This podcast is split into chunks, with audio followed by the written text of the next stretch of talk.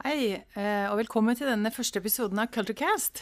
Jeg heter Tone, og dette er en serie fra oss i Culture Intelligence, der vi snakker med noen av de mest kulturintelligente lederne og nøkkelspillerne i næringslivet akkurat nå. Nå er vi akkurat ute av en pandemi. Nå kommer det store spørsmålet hvilken effekt har vi fått fra den? Hvordan har den påvirket oss på jobb, eh, personlig, og ikke minst kulturen som vi alle sammen jobber i? De undersøkelsene som vi har gjort, viser at eh, de grunnleggende verdiene er blitt veldig mye viktigere. Så, og det har gått på bekostning av de innovative verdiene. Og det er i grunnen ikke gode nyheter. Så nå trenger vi å finne ut hva gjør vi nå. For å snakke om dette så har jeg vært så heldig å få med meg en av de som har jobbet mest energisk og målrettet med kultur de siste årene, Karen Steinfeld, som nå er leder for utvikling i Eik. Velkommen, Karen. Tusen takk, Tone. Først eh, litt kort om deg og selskapet du nå er i. Ja, jeg jobber i et selskap som heter Eik. Og der er vi opptatt av å få lov til å hjelpe organisasjoner som er i transformasjon. Både digitale men med også det menneskelige og medmenneskelige perspektivet. Så Eik står for det emosjonelle intelligente og det intellektuelle intelligente. Og vi ønsker å rett og slett være los sammen med folk som står overfor store skift, og lurer litt på hvilken retning de skal ta. Der kan vi være gode rådgivere. Så bra. Um, og for å være gode rådgivere så må vi liksom inn i grøten. Så da tenkte jeg vi skulle dykke litt ned og se på dette fenomenet kultur. Så kultur er jo faktisk en av de mest oppbrukte ordene vi, vi treffer på ofte i jobbsammenheng, og alle har sin take på det. Men eh, for deg, Karen, som har jobba ganske mye med det, kan ikke du si litt om hva, hva er kultur, og, og, og hvordan påvirker det oss? Altså, kultur er jo den sånn stilletiende sosiale orden man har i en organisasjon. Det er litt som hva er det som engasjerer oss, hva er det vi fraråder, hva er det som oppmuntres, hva er det som godtas eller avvises her hos oss. For meg så handler verdien, altså eller kultur er jo verdier og holdninger man har. Og i kombinasjon så blir det en kultur. Og for meg så er verdier det som er kraften i deg selv det som gjør at jeg står opp og driver, og hvordan jeg oppdrar ungene mine, til hvordan jeg oppfører meg på jobb, det er ikke to forskjellige ting. Det er jo hele meg. Og så handler det om å finne en organisasjon eller et team hvor man opplever at man kan få til en god sammensmelting av det, som har fokus på dette. Så det du egentlig sier, er at det handler mye om handling og holdning. Og bak der så ligger det noe. Så det er liksom å skjønne disse sammenhengene da, mellom hva er det noe, og hva er det som kommer ut i handlingene våre. Den andre ting. Altså det er jo mange som Alle er vi jo eksperter på kultur, tror vi. Fordi ja. at eh, vi er jo en del av det uh, i forskjellige konstellasjoner.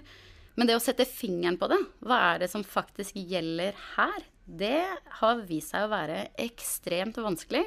Og er produktet av mye synsing. Nettopp. Og det er denne synsingen som vi prøver å komme til livs da.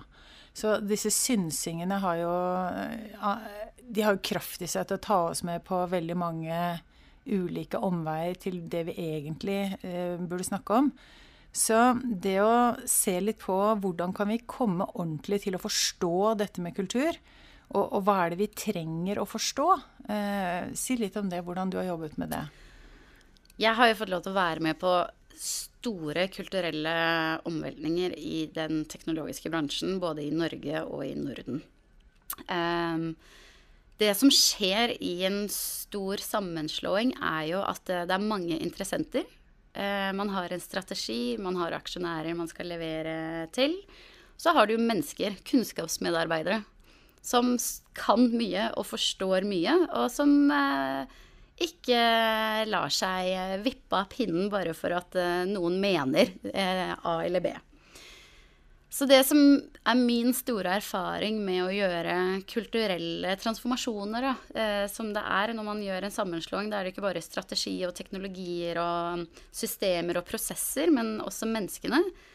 Det er jo ekstremt viktig at man for det første anerkjenner eh, problemet man står overfor. Og at man skjønner hva som eh, er utfordringen man står overfor. Det er det ikke alle organisasjoner som gjør. Og da går man litt bakvendt inn i en prosess. Men det neste blir jo da å få til en forankring og vilje til endring. Eh, for da klarer man å skape tillit. Eh, når man har fått opp problemet og man skjønner at man skal sette opp en prosess på en ryddig måte, det skaper tillit hos, hos folk. Og de viktigste folka da, det er ledere som står og skal lose skuta. Så med en tydelig prosess eh, så mener jeg ikke bare det strukturelle. Hva er liksom trappetrinn? Men du må også ha en emosjonell prosess. Eh, det er ekstreme humørsvingninger i en organisasjon som går igjennom en kulturprosess. Det å forstå hva som kommer på horisonten, og hvor kommer fortvilelsen, når kommer sinnet, hvorfor skal vi være med på dette, hvor er jeg i det store bildet, det må du også ha en plan for, for at folk skal ville være med på en endring. Eller så setter de seg på bakbeina og tar eh, armene i kors og sier at eh, dette kan dere holde på med, jeg bare sitter helt stille her i båten til dere er ferdig med dette her. Så skal jeg bestemme meg etterpå om jeg skal være med eller ikke. Og det vil vi jo unngå for alt i verden. Så da må du skape bevissthet i organisasjonen. Så må du skape et ønske om den endringen skal komme. Så må man lage kunnskap rundt det. Og den kunnskapen er veldig vanskelig. Der har det vært mye synsing gjennom tidene. Men eh, det å kunne faktisk undersøke og bruke data, eh, som dere gjør i Cultural Intelligence, er helt mind-blowing, av mangel på et bedre ord. Hvor man faktisk kan gå eh, kirurgisk inn og finne ut av hvor er det skoen trykker. Det eh, er helt sinnssykt. Så med det så tenker jeg at eh, man klarer å eh, unngå veldig mye synsing. Eh, du må ha med deg ledere. Du må ratte opp et sånt prosjekt som det her på en veldig god måte. Det tar ekstremt mye tid, for du må få med deg så mange interessenter. Men når prosessen vel er tegnet ut, og man har verktøy på plass for å kunne finne ut av hva medisineringen egentlig skal være, så kan det, du ta igjen på tiden på oppløpssiden fordi at uh, man har de riktige dataene på bordet. Så det høres ut som du egentlig må bruke mer tid enn du tror i forkant mm. for å berede grunnen til å få implementert på en bra måte. Mm. Eh, hvordan gjør man det i en stor organisasjon som du har vært del av? Da er det Altså, det som skjedde hos oss, var at vi hadde fått et stort globalt analysebyrå til å komme og fortelle oss hvor like vi var da vi gjorde en sammenslåing. De hadde aldri sett noen som var så like. Så da begynte vi naturlig nok å lete etter de eh, fellesnevnerne vi hadde. Og så eh, ganske mange måneder inn det så innså vi at det er jo veldig lite her som eh, sammenfaller. Vi er jo faktisk veldig forskjellige. Eh, og det var en opplevd opplevelse. Eh, og litt sånn bortkasta tid, fordi vi hadde jo lett etter fellesnevnere istedenfor å være nysgjerrig på forskjellene våre og hvordan vi skulle bruke de for å få til det store prosjektet vi skulle gjøre. Så for å få til det i større organisasjoner, så er det nok en gang en anerkjennelse av hvor viktig det er å koble kultur mot en strategi. At eh, man får ikke til den strategien man har forfektet, hvis ikke menneskene bak er villige til å igangsette det. Og det gjør man jo selvfølgelig med prosesser og, og salget sitt osv., men det er jo til syvende og sist menneskene som skal levere på det, og måten de gjør det på, som skaper dette merkevaret man prøver å få frem med, da. Og da må man absolutt ikke undervurdere kulturdelen av en strategi. Og da er du kanskje inne i noe av det vanskeligste som fins, fordi hvis strategien krever noe annet av oss enn den kulturen som er der, så betyr det jo at du faktisk må endre den kulturen. Mm. Eh, og da er du ordentlig inne i hjertet på hvorfor dette tar tid og, og ressurser. Fordi skal du be noen om å endre kultur, så må du faktisk be dem om å endre noen av verdiene sine. Mm. Og det er en ganske tøff bestilling. Det er en veldig tøff så bestilling. Så hvordan Har du noen erfaringer på noe av det som, som har Hvor du har fått det til? Eh, og eventuelt hvordan, hvordan, fikk, hvordan fikk du til det? Det vi gjorde da vi gjorde den siste kulturelle transformasjonen vår, det var jo først og fremst å anerkjenne hva vi er i dag. Vi må jo vite hva vi er eh, i en ny konstellasjon, for så å se på hva det strategien skal ha. Og da, eh, når, vi, når, vi, fikk fakta på bordet på hvem vi er, for det kan man faktisk eh, gjøre både på individnivå og helt opp til store organisasjonsstrukturer. Og så måtte vi dekode hva var det liksom, strategien vår krevde også. Da. Hva er den nye bestillingen på hva, den retningen vi skal ta? Da ble det ganske tydelig for oss hva gapet var. Så i stedet for å synse om hva potensielt som kunne være smart, så kunne vi si ja, hvis vi endrer på disse fire komponentene her, så er vi jo godt på vei til å få i gang denne strategien som er viktig. Og da var det viktig for oss å inkorporere noen av de styrkene vi har i dag, så folk kunne gjenkjenne seg. Vi skal ikke bli et uh, helt nytt eh, AS. Vi skal være kjernen av hva vi var, og så skal vi videreutvikle kunnskapen vår uh, for å bli dette nye sammen. Og da merket vi at så lenge folk opplever at de er sett og hørt og anerkjent for de kvalitetene de har, så er de villige til å være med på ganske mye, for da vet de at det er integritet i det, eh, den prosessen som de skal med inn i.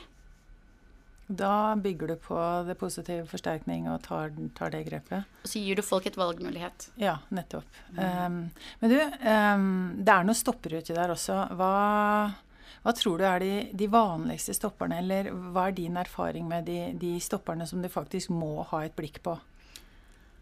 Stopperne er jo at man ikke måler kultur i en KPI eh, hos de fleste bedrifter. Man har en um, medarbeiderscore ofte, som sier noe om stemningen i firmaet, men ikke hva som er eh, pressende for kulturen, eller hvor man burde gjøre endringer, for man har ikke gode nok eh, datagrunnlag. Så det er jo en stopper. Du vet jo ikke hva du navigerer etter. Det går jo mye på magefølelse mer enn uh, en fakta. Uh, og det blir jo dyrt i lengden, spesielt hvis du har veldig mange ansatte. Andre stoppere er jo at du har eh, ledere som eh, ikke er skolert på hvordan man skal løfte kultur. Kultur er ikke fredagspils ene og alene, eller vaffelbaking, eller kakebaking for, for de store anledningene. Kultur mener jeg er en av de viktigste myke KPI-ene du kan ha for å virkelig få til paradigmeskifte innenfor din organisasjon. Og da må du jobbe veldig profesjonelt med det og ha med deg aktører som er med på det. Man sier at man bygger eh, kultur unnafra og opp. Så ledere trenger å være los, men de må la organisasjonen få være med og bidra. Eh, for det skjer ikke noe endring uten at folk får gjøre endringer. Så bare det å vedta strategi er jo ikke nok for at denne kulturen skal opp og blomstre. Og der eh, krever det jo en del kreativitet. Det krever fokus fra ledere som i utgangspunktet har hektiske hverdager. De bruker veldig mye tid på oppfølginger, rapporteringer, prosesser. Alt det de, eh, som er liksom baksiden av medaljen fra lederskap. Man gjør jo det fordi man vil være, eh, få en visjon til å blomstre. Man vil hjelpe mennesker. Eh, men jeg tror veldig mange med hånden på hjertet vil si at 80% av tiden går til eh, mye administrasjon rundt lederskap, mer enn selve lederskapet. Så nå pirker du ordentlig godt inn i lederrollen, rett og slett, og kobler den til kulturbegrepet. Og det er jo en spennende reise. Litt farefull, kanskje. Det er det. Eh, men hva tenker du hvis du skulle gi ledere der ute nå som sitter i Med tanke på at de nå burde egentlig gjøre noe med kulturen sin. Mm. Hvilke råd vil du gi dem? Jeg vil råde dem til å snakke med sine medarbeidere på hva slags kultur er det vi skal skape nå. Hvordan skal vi fremme den og pleie den kulturen? Nå er det ikke tilbake til en normal, det er en ny tilstand.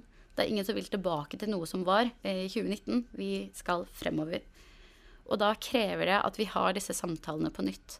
Hvem er vi nå? Hva er kulturen? Hva, skal vi gjøre? Det er mange byggeklosser som har forsvunnet. Så egentlig så har du blanke ark og kan få lov til å begynne å skisse ut nye veier. Men du må for guds skyld huske å ha med medarbeiderne på dette, da. For det er ikke noe man eier ene og alene. Og da er det jo den andre parten her, da, dette med medarbeidere. Eh, for de har jo også et ansvar. Mm. Så hvis du er medarbeider i en litt større organisasjon der ute nå, hva tenker du er smart å gjøre da? Men jeg tenker at man snakker om denne um, nye hverdagen, og det man snakker om hybrid. Og hybrid handler egentlig, i min definisjon, om hvor skal man sitte og jobbe. Det er lokasjonsdrevet. Men hybrid er så mye mer enn det. For det er ikke bare hvor du fysisk setter deg ned og gjør et stykke arbeide. Det handler også om hvordan skal vi sosialt interagere. Hvordan skal jeg selvlede meg selv? Og selvledelse er mer enn bare å ha autonomitet og bestemme over hverdagen sin. Det betyr også at du må tørre å gå inn i det uh, ukomfortable og lede deg selv igjennom vanskelige hindre som du egentlig ikke er så interessert i å oppsøke. Uh, for det er også å ta selvledelse. Det er å ta en 360 grader um, blikk på seg selv og, og lede deretter og sette strategien for det. Jeg tror mange ønsker å få kontakt med hva selskapet man er en del av, har som målsetning, i den forstand at hva er, hva er meningen ved oss? Jeg tror folk har behov for å føle at de er en del av et, uh, altså, et lite samfunn, community, på, på jobben sin. Uh, og at de trenger støtte på en eller annen måte i forhold til det de skal klare å levere på. Så hvordan man skal få til det nå som medarbeider, eh, tror jeg ikke er et singelprosjekt. Jeg tror at man trenger å skape den felles plattformen for sosial støtte hos hverandre. For at man skal klare å, å, inkorporere dette inn i hverdagen. Og det ser vi litt også når vi snakker med folk der ute. Og vi har gjort et lite dykk inn i den hybride hverdagen og ser litt på hva slags kulturkode tror vi at den trenger for å lykkes. Og en av de viktigste verdiene der, det er dette med åpenhet eh, og, og, samarbeid og læring, som vi tror at er tre verdier som alle kjenner, men som kanskje nå er viktigere enn noen gang. Eh, hvis vi skulle f.eks.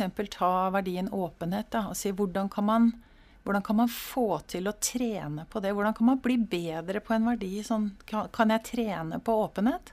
Mm, ja, det, det kan man absolutt gjøre. Eh, åpenhet handler for meg mye om transparens. Um, det er jo veldig smertefullt hvis du føler du må skjule noe. Um, så vet vi at den, den, største motdriveren for åpenhet, det er jo skam. Og at man ønsker å, å, å, fjerne sårbarhet. Så for å kunne utøve åpenhet, så tenker jeg at man må tørre å være autentisk overfor de problemene man står overfor. Men også de mulighetene man har, hvis man tør å være åpen og bygge tillit rundt dette. Så ingen åpenhet uten tillit, ingen tillit uten å være sårbar. Mm. Så det du egentlig da sier, er at uh, når jeg finner noen verdier som uh, jeg tror er bra å ha, så kan jeg faktisk trene på det, og så kan jeg påføre min kultur det, den kraften som en av de nye verdiene er. Det kan man absolutt gjøre. Man sier jo at altså det, dette går jo liksom fra å være det teoretiske til å faktisk begynne å praktisere det. Eh, når folk får en opplevelse av at nå er disse verdiene i spill, så merker man det i eh, omgivelsene. Man har samtaler rundt det. Man har fokus på det over en tid fremover, sånn at det kan eh, selvforsterke seg. Og på den måten så kan du også bytte ut da, verdier som man mener ikke er like viktige lenger i forhold til det, den retningen man skal. Så kan man sakte, men sikkert begynne å få et skifte. Og her kan man designe opp ganske gøye og kreative måter også å, jobbe med kultur på. Uten at det skal eh, ta fokuset vekk fra hverdagen. Man kan faktisk inkorporere det i hverdagen. Og der syns jo jeg uh, cruxet til kultur er. Det er jo fantastisk å få lov til å designe en hverdag som begynner å bli spennende, hvor man begynner å stille spørsmål, og at man får engasjert seg utover den vanlige produksjonstiden, da. Så ikke bare er det gøy, men eh, har du regnet på det noen gang? Har du, noe, liksom, har du, gjort noe estimat på Er det også lønnsomt? Eller er det masse tall ute og går? Men har du noen erfaringer med Har dere i den store organisasjonen kommet med noen, noen tall på noe vis? Vet du hva, de tallene er så skumle at eh, jeg tror det er veldig få som faktisk eh, tør å sette seg ned. Uh, de, de, tallene man kan rapportere på, er jo turnover blant ansatte.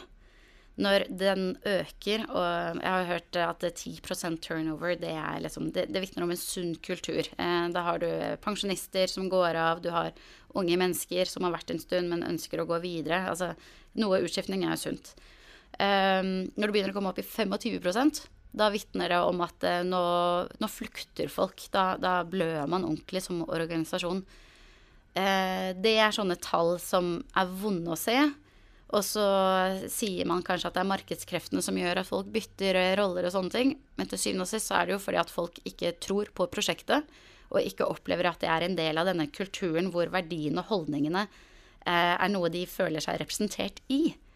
Så eh, det er vel liksom de nærmeste tallene jeg vet om for hvordan man kan gjøre det. Um, og det man, man, kan også se på business-casene for hvis man ikke gjør kulturintegrasjoner. For det, det, er jo et initiativ som ofte koster penger i oppstarten. Men når du ser at uh, en strategi ikke settes i live 18 måneder etter lansering, så er det ganske kostbart, det òg. Eh, og da er det ofte fordi at um, kulturen ikke har eh, blitt satt i gang i forhold til å oppnå målet, så står du da og må tilbake til tegnebrettet, og så må du ut av aksjonærer igjen og si at eh, vi prøver på nytt. Vi gjør det litt annerledes. Men si at du er en medarbeider i et sånt system. Du bare ser at tiden går, og det skjer ingenting og ingenting. Hva, hva kan du gjøre?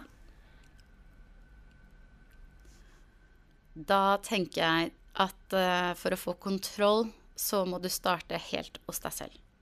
Da må du finne ut av hva er det som er viktig for meg. Hva er det som er liksom helt eh, det man kaller must haves, og hva er nice to have. Og så må man kartlegge seg selv litt. Og så må man gå til lederen sin og si du, hør her, dette har jeg funnet ut er viktig for meg. Hvordan funker det i forhold til det teamet vi er en del av? Kan vi ha en samtale rundt dette her? Og så må man begynne der hvor man kan påvirke. Og da tror jeg det er mange i pandemien egentlig som har funnet ut at man går til sitt nærmeste. Eh, folk har sittet med familien sin, og man har hatt sine nærmeste ledere i virtuelle rom. Men det, spørsmålet er jo hva er kulturen vår nå? Har vi noe kultur? Eh, vi er i en virtuell kultur. Hva betyr det, da? Eh, alle de der byggeklossene vi hadde fra før av, det er jo ikke der lenger. Så hva er det vi verdsetter? Få det opp å kjøre, så tror jeg du vil kunne falle til ro med at det er kaos i organisasjoner. Men eh, hvis du ikke får til det i eget team heller, så tror jeg du begynner å se frem og tilbake og til høyre og venstre og se etter andre muligheter. Og hva gjør du da, til slutt? Ja, Da går du og søker deg ut, da. da går du på finn.no, så finner jeg noe annet gøy å gjøre. Det er den dyreste outcomet av eh, noe som ikke funker. Så i hvert fall for bedriften, men kanskje lykkelig, et lykkelig veikryss for, for den det gjelder. Men det er jo så viktig som verdier og kultur gjør med folk. Da. Du er faktisk villig til å ta den type valg hvis det ikke er riktig. Det er jo akkurat det. Og poenget er at eh, det er jo der folk begynner å kjenne at de nesten liksom blir illojale. Sånn her får jeg ikke vært meg. Jeg finner jo ikke ut av hvilke, hvordan jeg kan bidra til dette firmaet her. Og så går man ut på en ganske sånn negativ note. I stedet for å si sånn å, jeg fant noen andre spennende muligheter. Nå er det det jeg skal gjøre. Så går man jo da ut i verden med den holdningen at åh, det der var ikke et bra sted å være. Og det er ganske um, dyrt for uh, de store um, merkenavnene der ute. Og det er ikke spesielt god signaleffekt på de unge talentene man ofte nå prøver å, å kampes om, da. Så går jo ryktebørsen. Eh, og en slik ryktebørs vil man unngå i negativ forstand på alle mulige måter. Hørtes det ut som omdømmet var i, fritt fall uh, her. Så, men la oss snu det til en positiv. For hva er det som skjer når du kommer et sted hvor du virkelig kjenner at dette her, folkens, det her, her, skal jeg bare, her skal jeg faktisk bare være. Og jeg bryr meg nesten ikke om eh, lønn engang, eller om, eh, om, kontorplass eller noe. Du er bare, nå er du på noe som er helt sjukt spennende. Hva skjer da, sånn i, ditt, i din erfaring? Da har du mennesker som har eh, gnist. Da har du mennesker som går ut av komfortsonen. Da har du folk som er innovative og nysgjerrig, og som skaper muligheter som man ikke visste var mulig engang. Da har du folk som tar ansvar eh, for mer enn bare seg selv. Da tar de ansvar for helheten. For de vil verne om eh, den kulturen de får være en del av, og vil forvalte det på best mulig måte. Så det er egentlig bare vinn-vinn-vinn når du klarer å lage sånne type matcher hvor folk og bedrifter, altså organisasjonen, opplever at her er det god eh, matching mellom kandidat og, og, og, bedrift. Og det du har da, er jo at du har skapt kulturintelligente organisasjoner. Eh, og de stedene der er fantastisk å være på, fordi at du har tilpasningsdyktige folk. Så selv om ting endrer seg fra utsiden, så er de med på endringene. Fordi at de er vant til at dette er trygt og greit. Fordi at vi har en kultur som vi kan eh, lene oss opp mot. Og så har du da spenstige bedrifter, eller en spenstig bedrift, som tør å, å ha disse typer samtaler og si at dette her er et av liksom kjerneholdepunktene for vår eksistens. Eh, og da vil kultur overleve tidens tann. Eh, uansett hvilke mennesker som kommer og går, fordi at eh, det forvaltes av alle de individene som er med. Det er kjempespennende. Og det å, å ha det som en blivende tanke fremover, og liksom si hvordan skal vi nå få til dette da, hos oss, for alle dere som, som sitter og hører på. Så, så, jeg vil jo tenke at for å, for å gå mot oppsummeringen litt, så tenker jeg det er noen muligheter her. Det er også noen eh, pitfalls som man skal styre klar av. Eh, og så er det noen ressurser som må i spill. Men hvis vi skulle oppsummere litt, Karen. Eh, hvilket råd ville du gitt til de nå som sitter i en virksomhet som prøver å få til å bygge opp igjen etter en 18 måneders lang nedstengning og mye som er endret, mange nye Gi de et råd. Hva, hva, hva vil du spille de opp på? For det første så ville jeg spurt, eller bedt dere om å spørre alle ansatte hvordan har dere det? Begynn å være medmenneskelig. Hvordan har dere det? Hvordan har vi det? Og så ville jeg gått over og definert hva er hybrid for oss. Eh, det er et eh, sånn moteord som florerer overalt nå. Det er ingen som egentlig har liksom, eierskap til det. Ehm, så hva betyr dette her hos oss? Og hvordan skal vi lede dere inn i en ny hybridmodell? Hvordan, eh, hva slags kultur skal vi ha? Dette skal vi snakke om sammen. Altså At dere må ha disse dialogmøtene. Og, og for guds skyld, dokumenter det som blir sagt. Um, og så må man jo finne ut av hvilke verdier som er i spill nå. Hva, hva, er det vi kommer tilbake til, og hva er det vi Hvis vi skal oppnå liksom, strategien vår, hva er, vi, hva er, de første byggeklossene vi må legge på plass for å få til det på en effektiv måte over, over tid, da. Fordi folk blir slitne. Man, man kaller det endringsfatigue. Folk er i fatigue. Eh, selv om det er gjenåpning og sånne ting, så har ikke folk fått opp energinivået sitt som gjør at det, nå, nå kjører vi. Eh, så du er nødt til å starte fra deres utgangspunkt. Eller så eh, kommer folk bare til å kaste en håndkle og si 'jeg tror jeg finner på noe annet å gjøre'. Så hvis du skal ha innovasjonsvekstmål som er helt hinsides, så kommer folk til å falle av fordi at de er trygghetssøkende nå. De må vite at alle vil deg vel. Eh, og nå må vi samles i vår, i vår, klan. Og så kan vi lage en plan for hvordan vi skal eh, liksom, nå universet. Så hva skal du selv gjøre? Tiden som kommer nå? Åh, det er spennende. Jeg er jo i et ganske nyoppstartet firma. Så nå er det jo faktisk ingen å gjemme seg bak lenger. Her må vi gjøre alt. vi har bestemt oss for å lage et firma hvor vi setter menneskene først. Og det høres utrolig enkelt ut. Men da må du virkelig forstå hva er det som eh, er viktig for disse menneskene. Hva er liksom de empatiske styrkene deres utover hva de er kunnskapsrike på. Og så har vi tenkt å designe arbeidshverdagen deres deretter. I stedet for å ta det fra eh, markedssiden. For da tror vi at når folk virkelig får forløst sine potensialer, både på det emosjonelle så vel som det intellektuelle, da har de det som best. Og da eh, rocker de eh, markedet der ute, fordi at kundene får langt mer enn hva de hadde forventa. Det her gleder jeg meg til å følge med på, Karen. Så takk for at du var her, og takk for inputen din. Så ses vi på det kulturintelligente målet. Gleder meg.